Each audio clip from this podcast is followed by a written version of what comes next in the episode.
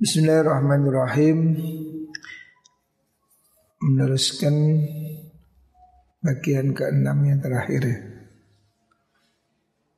Al-Wadifah Khamisah yang masih ada. Wadi syarita Fi zakawat Tajri majrul khusyu'i minal salah ya. Syarat-syarat batin ya Termasuk syarat tidak boleh mani wal adha ya. Ini sebagaimana syarat khusuk di dalam sholat. Maksudnya secara fikih orang menyerahkan harta niat zakat selesai, ya. tetapi belum tentu dia mendapat pahala. Sama dengan orang sholat. Orang sholat ngerti rukun sunnah sudah sah walaupun tidak khusyuk. Tetapi pahalanya tidak ada ya. jadi syarat-syarat yang ditentukan Imam Ghazali kemarin itu adalah sama dengan khusyuk di dalam sholat. Memang tidak dibahas dalam kitab fikih gitu. Karena ini lebih bersifat batiniah etika adab ya Wa thabata dzalika biqaulihi sallallahu alaihi wasallam Laisa lil mar'i min salatihi illa ma aqala minha. Dalilnya apa ada itu? Ibadah kok ada batin, ada zahir, ada. Ini dalilnya.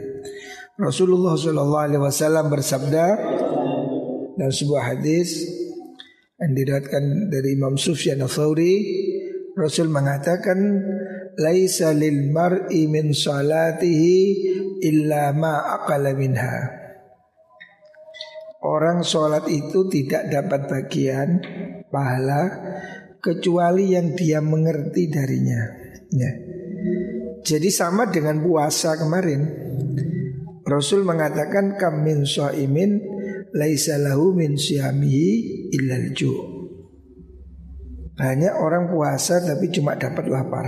Ya. Dalam bab sholat juga Rasul mengatakan sholat itu tidak ada bagian pahala kecuali bagi orang yang mengerti. Ya. Maksudnya yang khusyuk. Ya. Sah sudah, tapi kalau belum khusyuk belum dapat pahala. Wa sabada hadza biqaulihi sallallahu alaihi wasallam. La yataqabbalullahu shadaqata mannanin. Dalil lain Rasul mengatakan Allah tidak akan menerima sodakoh orang yang pengungkit-ngungkit Orang yang mengundat-ngundat Mengungkit-ngungkit ya. Ini dalil yang lain. Artinya sodakohnya sah secara fikih tapi kalau dia menyakiti dengan ucapan kotor ataupun dengan mundat-mundat, maka pahalanya hilang gitu lah. Sama dengan sholat yang tidak khusyuk, sama dengan puasa yang tidak menjauhi maksiat. Secara fikih sudah definitif sah gitu lah. Wa biqaulihi ta'ala la tubtilu sadaqatikum bil manni wal adha. Jangan kau batalkan sedekahmu dengan mani ya mengungkit-ungkit wal adha dan menyakiti. Artinya Allah jelas mengatakan dalam Al-Quran ada yang bisa membatalkan sedekah ya. Walaupun secara fikih kewajiban sudah ditunaikan tapi batal pahalanya. Ini jelas disebut dalam Al-Quran. Wa amma fatwa al-faqih biwuqu'iha mawqi'aha wa bara'ati dhimmatihi duna hadha syarti. Adapun fatwa ahli fikih tentang sahnya zakat yang sudah dibayarkan ya walaupun ada mandi wal adha wa bara'ati dhimmatihi minha dan dia sudah bebas tuntutan Duna hasna syarti meskipun tanpa syarat ini ya ada orang ngasih sambil maki sambil ngumpat itu tetap sah menurut ahli fikih sama dengan sholat tidak khusyuk tetap sah. Fahadithun akhor ini adalah berdasarkan hadis yang lain. Karena memang manusia ini ada kadar tingkatannya ya. Satu sisi ada yang harus dikasih yang lebih berat, ada yang lebih ringan. Seandainya khusyuk ini masuk dalam syaratnya sholat, mungkin banyak orang yang sholatnya tidak sah. Ya. Makanya tidak masuk di dalam sholat. Artinya tanpa khusyuk sholat tetap sah, tapi tidak dapat pahala. Zakat juga begitu. Syaratnya ya pokoknya nisab, haul mengeluarkan. Soal ikhlas, soal tidak mani wal ada itu adab etika ya. Artinya tidak dilakukan pun dia juga sah tapi belum tentu dapat pahala. Waqat asyarna ila makna fi kitabis sholat Ini sudah saya jelaskan dalam bab sholatnya Kenapa Imam Ghazali mensyaratkan sholat itu harus khusyuk? Sementara di kitab fikih Fathul Qarib, Fathul Mu'in Tidak ada Syaratnya yang ada kiblat, berdiri, baca fatihah dan seterusnya Khusyuk dalam fikih tidak dimasukkan dalam rukun atau syarat tetapi bagi kalangan sufi itu yang lebih penting ya. Karena Allah mengatakan aqimis sholata lidzikri. Sholat itu tujuannya untuk ingat Allah. Kalau sholat hatimu di pasar, ah, untuk apa ya? Allahumma salli Muhammad. Alhamdulillah. Al-wadhifa as-sadisah. Sekarang masuk ke wadifah yang keenam ya. Tentang etika orang yang membayar zakat. Al-wadifah sadisa tugas yang keenam ayas tasghiral atiyata. Hendaknya orang itu menganggap kecil pemberiannya. Jangan menjadi GR merasa sudah satu juta, lima juta. Jangan dianggap besar. Hendaknya orang ini menganggap pemberian itu kecil ya. Karena memang sesungguhnya juga kecil. Toh cuma dua setengah persen atau lima persen ya. Maka jangan dibikin kagum. Wah saya kok bisa zakat 10 juta. Toh itu kecil ya. Fa innahu in inista'allamaha Sesungguhnya orang itu kalau menganggap besar pada sodakoh, zakat, A'jababiha Jadinya dia ujub ya. Ujub itu gede, rumongso ya. Bangga diri Wal ujbu minal muhlikat Sedangkan orang beribadah dengan ujub itu muhlikat Menghancurkan ya Merusak pahalanya wa wa muhbitun lil a'mal. Sifat ujub itu membatalkan pahalanya amal. Allah berfirman Qala ta'ala wa yawma hunainin id a'jabatkum kasratukum falam tughni ankum syai'a. Allah mengatakan dalam Al-Qur'an ketika perang Hunain ya, Perang Hunain ini harusnya kita menang, pasukan kita lebih besar. Tapi karena ada kesombongan, jabat kum kasrotukum. Jika kamu merasa hebat, wah pasukan kita besar, pasti menang. Loh karena kamu ada GR seperti itu, falam tuh diangkum saya itu tidak bisa melindungimu ya. Kamu kalah. Karena kamu apa? merasa besar. Ya. Beda dengan perang Badar, kamu kecil tapi kuat, ditolong oleh Gusti Allah. Perang Hunen, kamu merasa kuat, dilepas kalah, ya. Padahal pasukan lebih besar. Sebab apa? Id'a ajabatkum kasrotukum. Karena kamu merasa sombong, ya. Gitu Jadi nggak boleh ibadah dengan sombong. Wa yuqalu inna ta'ata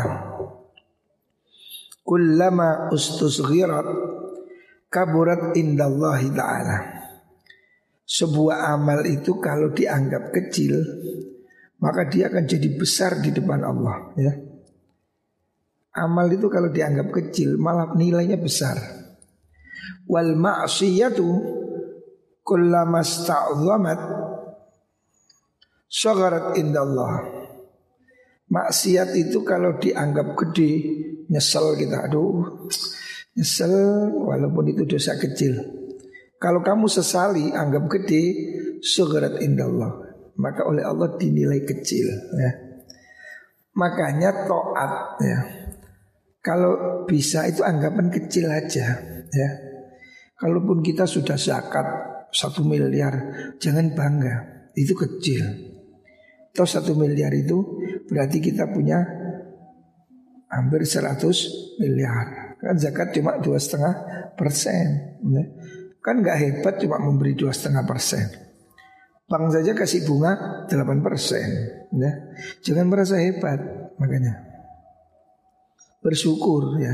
Syukur sudah bisa berzakat tapi jangan jadi sombong, jangan sombong. Ibadah itu kalau disombongkan tidak ada nilai. Tapi kalau dianggap kecil dinilai besar oleh Allah Subhanahu wa taala. Wa qila la yatimul ma'ruf illa bithalathin. Ada kaul lagi bahwa perbuatan baik ini tidak sempurna kecuali dengan tiga hal. Ya. Perbuatan baik akan sempurna kalau ada tiga hal.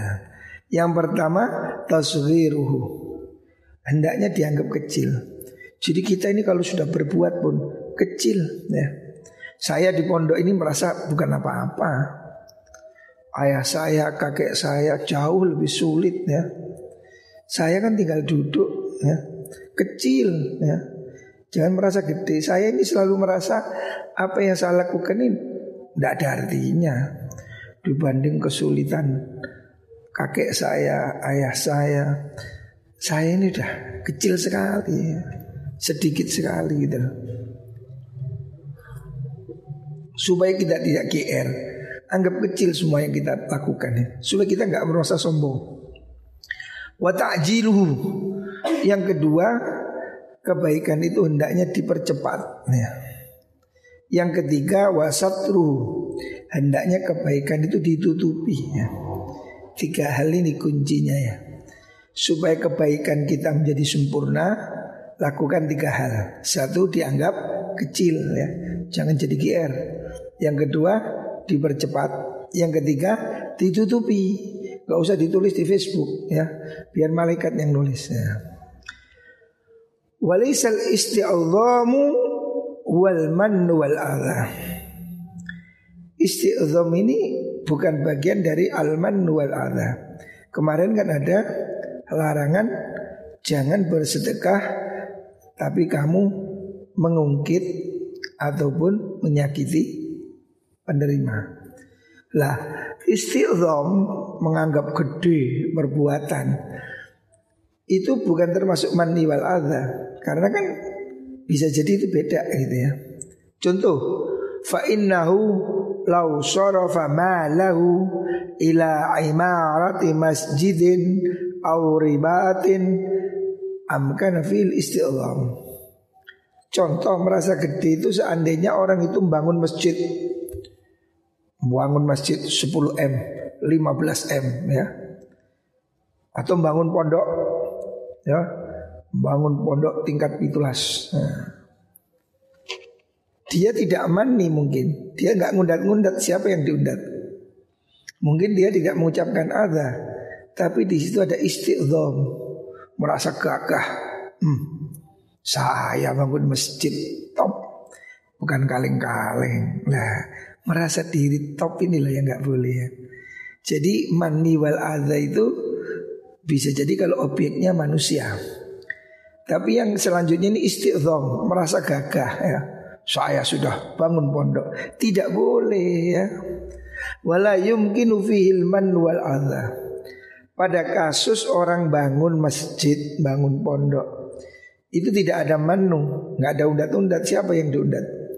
Wal adha tidak ada adha, tidak ada ucapan menyakitkan. Balil ujubu tapi di situ kena penyakit ujub, GR. Hmm, bangunan saya. Hmm, pondok saya. Loh ini loh. Kita ini tidak sadar kadang bangun pondok tapi tujuannya untuk gagah-gagahan. Kelihatannya bangun masjid tapi tujuannya untuk menang-menangan. Nah di sini rusak ya. Ibadah kita jadi rusak kalau begini. Wal isti'adhamu yajri fi jami'il ibadat. Merasa gede, merasa agung itu terjadi pada semua ibadah. Ya. Orang itu bisa aja karena lajin puasa merasa dirinya hebat. Sering ini dia ahli baca Quran merasa doanya manjur. Nah, oh, kalau doa saya ini lah ada orang itu saya doakan langsung ya. Rumongso dirinya didengar oleh Gusti Allah. Ini kan dia sombong juga walaupun dia memang ahli ibadah. Kadang orang tidak sadar begitu ya. Dia memang ahli wirid umpamanya. Tapi kan dia tidak boleh sombong. Saya ini kalau doakan orang, kalau saya sowo, nah, wong bodoh tak sowo jadi goblok. Nah, ya bodoh aja. Artinya orang ini kadang eh, apa ya nggak nggak rasional gitu merasa dirinya hebat, tidak boleh ya. Ibadah apa pun tidak boleh disombongkan ya. Wadawa'u ilmun wa amal. Penyakit ini, penyakit sok gemede ini, ini harus diobati. Pakai resep double, ilmu dan amal. Ya. Ilmu tok tidak cukup, amal tok tidak cukup. Ini resepnya double ini, harus berhasiat ganda ilmu dan amal. Amal ilmu fahuwa ayya'lama secara keilmuan yaitu dia harus mengetahui annal usyra annal usyra sesungguhnya sepersepuluh nisbatnya zakatnya apa pertanian ya aurub al usyur atau mengeluarkan seperempatnya sepersepuluh alias dua setengah persen zakatnya apa? Perdagangan dan emas. Ya. Pertama yang harus kamu ketahui supaya kamu nggak GR kata Imam Ghazali, kamu harus tahu bahwa kadar zakat itu kecil, 10% atau dua setengah persen. Itu kalilun min kathirin. Sedikit dibanding yang lebih banyak ya. Kalau kita punya harta 100 miliar kan zakatnya cuma dua setengah miliar kan nggak hebat. Wong kita punya 97 setengah miliar. Yang dikeluarin cuma dua setengah persen gitu wa annahu qad qana ali nafsihi bi akhassi darajatil badli. Dan orang itu sudah bangga ya, merasa cukup untuk mengeluarkan batas minimal kan dua setengah itu cuma minimal kan. Kemarin yang disebutkan bahwa atas nama cinta zakat ini ada tiga kelompokan ada orang yang cintanya 100% seperti Abu Bakar As-Siddiq. Ketika panggilan bersodakoh Dia berikan hartanya 100%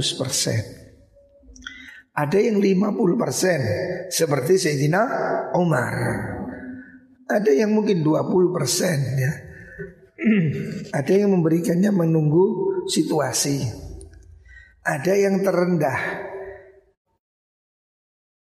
Mengikuti aturan zakat dua setengah, lima persen, sepuluh persen. Ya. Dari sini kamu harus tahu banyak orang yang jauh lebih hebat. Mengeluarkan dua setengah itu bukan apa-apa gitu. Fahuwa jadirun bi minhu. Hendaknya orang itu malah malu. Kalau ada orang ngeluarin zakat dua setengah miliar, jangan merasa hebat. Abu Bakar itu mengeluarkan 100 miliar, artinya 100 persen. Orang itu cuma mengeluarkan dua setengah persen. Hendaknya dia malu. Masih banyak yang lebih hebat. Fakih. Bagaimana dia menjadi merasa hebat? Ya. Jadi jangan merasa hebat dalam pemberian. Masih banyak orang lain yang lebih hebat. Wa idzir taqa ila darajatil ulya ketika orang itu naik derajat yang lebih tinggi ya Derajat kemarin disebut contoh Abu Bakar. Fabadala kulla malihi au aksarah.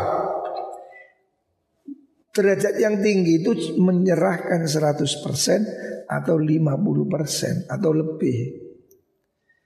Falyata amal.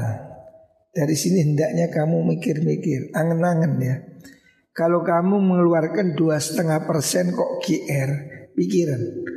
Ada orang lain yang mengeluarkan 100 persen Ada orang lain yang mengeluarkan 50 persen Di sini kau mau pikir Annau min aina lahul mal Pikirlah Kamu dapat harta itu dari mana sih Gitu Harta yang kamu sombongkan itu dari mana Sesungguhnya Tidak ada yang berhak sombong Karena harta itu dari Allah subhanahu wa ta'ala Wa ila madza yasrifu. Terus dia mau guna untuk apa? Ya.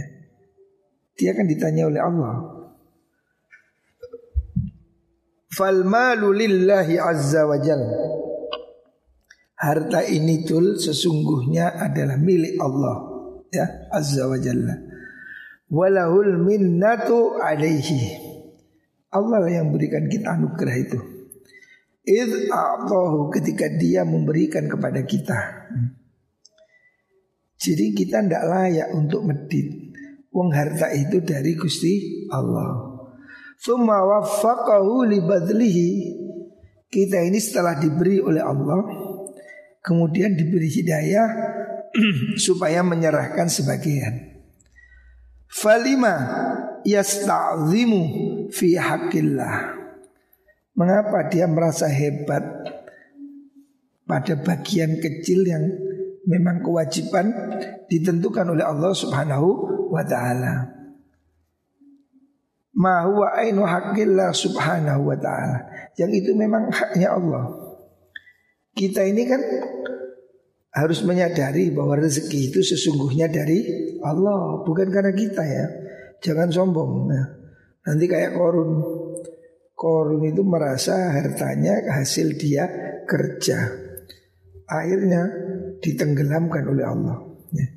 Jangan menjadi sombong dengan harta Sesungguhnya harta itu semua dari Allah Kalau Allah minta dua setengah persen itu pantas gitu Karena harta ini kan titipan Allah Seandainya kamu saya titipi uang satu juta Terus saya minta sini kembalikan 25 ribu kamu merasa hebat nggak? Hmm, duit saya kok kamu hebat gimana? Kan saya minta uang saya. Hah? Harta ini kan titipan Allah pada kita. Nisbatnya saya nitip uang ke kamu satu juta. Terus saya bilang nih kembalikan 25 ribu. Justru kalau kamu nggak memberikan kamu yang keterlaluan. Uang kamu saya pinjemi. Nah harta itu seperti itu. Harta itu sesungguhnya milik Allah, pemberian Allah. Masa diminta dua setengah persen aja nggak boleh? Ya? Alangkah pelitnya ya. Wa ingkana maqamuhu yaktadi ayanzura ilal akhirah. Ini kalau dihitung ukuran dunia seperti itu, tidak pantas. Sekarang kalau kita sudut pandang lain, kalau orang itu menganggapnya dari sudut arah akhirat, wa annahu yubdilu dan dia memang ikhlas memberinya itu untuk dapat pahala. Falima maka untuk apa? Kenapa? Yasta'zimu badla ma yang tadziru alaihi ad'afahu. Untuk apa kamu mengharapkan yang sesuatu kamu akan dapat imbalan berlipat-lipat? Kenapa kamu sombong? Gitu. Jadi Imam Ghazali ini memberi resep yang top nih. Kata Imam Ghazali supaya kamu tidak GR dengan amalmu ya. Pertama, ya, kamu harus ada ilmu bahwa semua yang diberi ini adalah hakikatnya milik Allah. Kalau Allah minta haknya, ya sudah pantas lah mau kita diberi oleh Allah. Bagaimana kita merasa bangga mengembalikan dua setengah persen, sedangkan 100 persen itu dari Allah. Sama kalau saya diberi uang oleh umpamanya Pak Jokowi satu miliar, terus diminta 25 juta. Ya sudah sepantasnya kalau perlu saya berikan 500 juta. Kenapa? Wong saya diberi kok. Diminta dua setengah persen nggak beri ini kan keterlaluan ya. Dari sini kita nggak boleh sombong kenapa? Dua setengah yang kita berikan itu cuma sekecil dari 100 persen ya.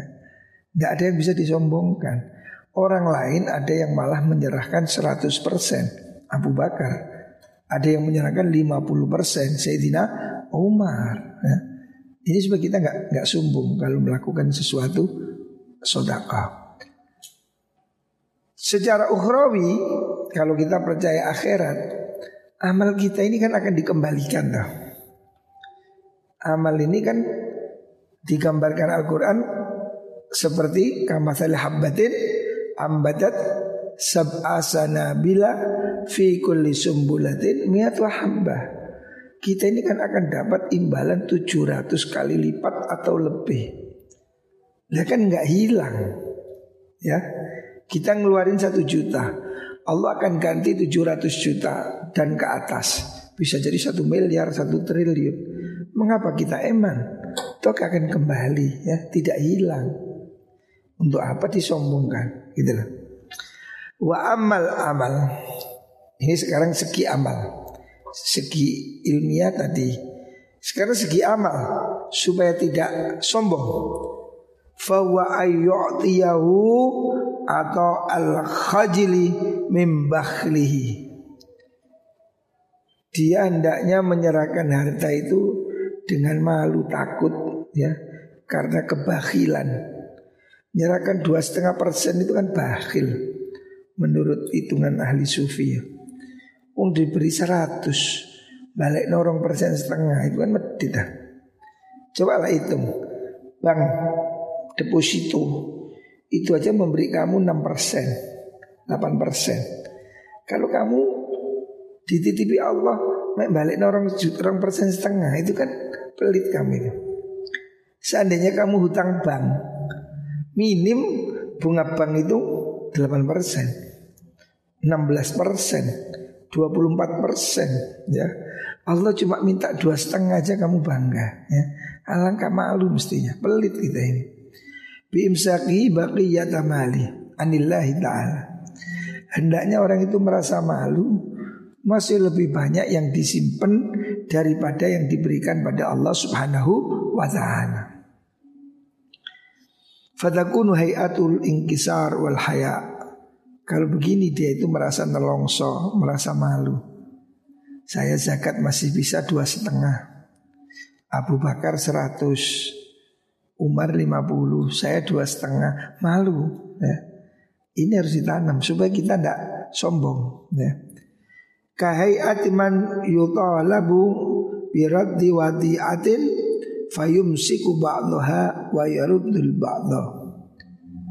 Kita ini ibaratnya menurut Imam Ghazali zakat dua setengah persen ini seperti gini lah. Contoh, kalau kamu dititipi duit 100 juta, titip lo ya. Saya titip kamu, nis uang 100 juta. Terus kamu saya suruh balikkan, wis kembalikan dua setengah. Kok kamu itu lo masih pelit kan harusnya kamu malu. Oh, duitmu itu dari saya 100 juta. Tak suruh balikkan dua setengah aja kamu berat ya. Harusnya kamu malu gitu Cuma balikkan dua setengah persen Padahal sudah saya kasih seratus persen Ini yang harus kamu tanamkan Li'annal mala kullahu lillahi ta'ala Harta itu semua milik Allah ta'ala Wa badlu jami'ihi wal ahabbu inda Allah subhanahu wa ta'ala Harta ini milik Allah Seandainya dikembalikan semua, Allah lebih suka. Ya. Nah kita cuma disuruh balik dua setengah persen, lima persen. Ya. Wa inna malam ya'mur bihi abdahu. Kenapa Allah nggak nyuruh balik no seratus persen? Li'annahu yashukku alaihi bisa babi bukhlih. Karena itu akan sulit. Seandainya Allah menentukan zakat 50% Pasti kamu gak bayar Karena kamu semua pelit ya. Kama qala ta'ala Sebagaimana firman Allah Iyas al-kumuha Fayuhfikum tabkhalu Seandainya Allah meminta kamu ya Bagian yang besar Dan memaksa Pasti kamu akan tidak mau bayar Tabkhalu Kamu akan bakhil ya. Pastilah ya. Seandainya zakat itu 50% Mungkin malah kan mau bayar Medit semua ya. Harusnya kita malu. Kita ini diberi 100% Mengapa mengembalikan dua setengah aja susah gitu? Nah, Ini kesadaran supaya kita jangan pelit ya. Yang keenam. Sekarang yang ketujuh Al-wadhifa as-sabi'ah ya. Tugas yang ketujuh. Memang banyak tugasnya ya Ilmu ini. Waalaikumsalam Ahmad. Yang ketujuh Ayan taqiya min malihi ajwadahu wa ahabbahu ilaih. Etika yang ketujuh Hendaknya dia memilih dari hartanya yang terbaik ya, yang terbaik. Jangan beri yang elek-elek ya, beri yang paling disukai. Wa ahallahu yang paling halal wa atyabahu yang paling bagus. Fa inna Allah Ta'ala tayyibun la yakbalu illa tayyiban. Allah itu maha baik dan Allah tidak mau menerima yang tidak baik ya. Maka zakat ini harus serius. Jangan beri sisa-sisa, beri yang kamu suka ya. Wa idza kana al-mukhraj min syubhatin Seandainya yang kamu keluarkan itu harta yang subhat ya. Farubbama la yakunu milkan lahu mutlakan. Mungkin yang kamu berikan itu bukan milikmu sebetulnya. Kan subhat. Mungkin kamu punya uang 100 juta halal, 27 juta subhat. Kamu mengeluarkan dari yang subhat. Ini belum tentu kan milikmu kan subhat. Masih abu-abu ya. Falayakul mauki maka itu tidak terjadi ya. Tidak sah tidak memenuhi hal yang diinginkan. Kenapa? Fabi hadis aban an Anas ibni Malik. Dalam sebuah hadis diriwayatkan sahabat aban dari sahabat Anas bin Malik tuba li abdin anfaqa min malin iktasabahu min ghairi maksiatin ya. Hadis diriwayatkan oleh Imam Tabrani Imam Baihaqi dalam, dalam kitab Sunan Al-Kabir. Rasul mengatakan tuba. Berbahagia ya, bagus berbahagia. Li abdin sebagai hamba anfaqo min malin yang dia nafkahkan dari harta iktasabahu yang dia perolehnya perjuangkan bekerja min ghairi maksiatin dengan tanpa cara maksiat jadi yang bagus itu harta yang harus kamu berikan itu yang halal ya. Jangan yang haram apalagi hasil maksiat ya. Ini tidak bagus, Allah tidak suka. Faida lam yakum al mukhraju min jayyidil mal kalau yang dikeluarkan itu bukan harta yang terbaik ya. Kalau yang dikeluarkan itu harta yang receh-recehnya, fahuwa min su'il adab. Maka itu bagian dari su'ul adab itu. Enggak etis. Allah beri kamu baik, kok kamu beri yang jelek? Idqat yamsaku al-jayyida li nafsi. Karena dia ini kadang yang baik disimpan sendiri auli abdihi atau untuk hambanya atau ahli atau untuk keluarganya fayakunu qad athara 'ala Allah azza wa jalla ghairahu berarti orang ini telah mengalahkan Allah untuk yang lain. Nah, yang baik dimakan sendiri, yang baik diberikan keluarga. Allah dikasih yang jelek. suul adab ya. Tidak sopan ya. Seandainya kamu ini mau memberi oleh-oleh pada Pak Bupati umpamanya ya. Bupati datang. Kamu punya kebun jambu yang matang-matang kamu makan. Terus Pak Bupati kamu kasih yang bosok-bosok. Kira-kira dia seneng apa marah? Pasti marah kurang ajarin memberi apa menghina ini nah, seperti itu Allah kalau yang baik kamu simpan yang jelek kamu sedekahkan kata Allah kamu ini kok kurang ajar? Yang baik dimakan yang jelek diberikan orang. Walau fa'ala hadza bi seandainya ini dilakukan kepada tamunya umpamanya. Wa qaddama ilaihi arda atau amin fi baitihi. Seandainya orang itu ada tamu terus tamu itu disuguhi makanan yang paling jelek kamu makan sate soto. Tamumu dikei sego wingi sore. Ambek tempe tengik-tengik. Nah. La aughara bidzalika sadrahu pasti itu akan menyakiti hatinya. Ya apa tidak? Us ado-ado teko disuguhi tempe bongkeng. Aduh-aduh teko tiga sego mampu. Kamu pasti marah ya. Hada ingkan nadru ilallah azza wa Ini kalau kamu lihat dari segi adab pada Allah subhanahu wa ta'ala ya. Alangkah tidak sopan kalau kita memberikan yang jelek karena kita makan yang baik ya. Makanya kita harus berusaha ayo bekerja yang halal dan bersedekahlah dari harta yang halal. Muka-muka kita semua diberikan rezeki yang halal. Ya. Pekerjaan yang halal sehingga berkah dan membawa kemaslahatan hidup dunia sampai akhirat. Amin Allahumma amin.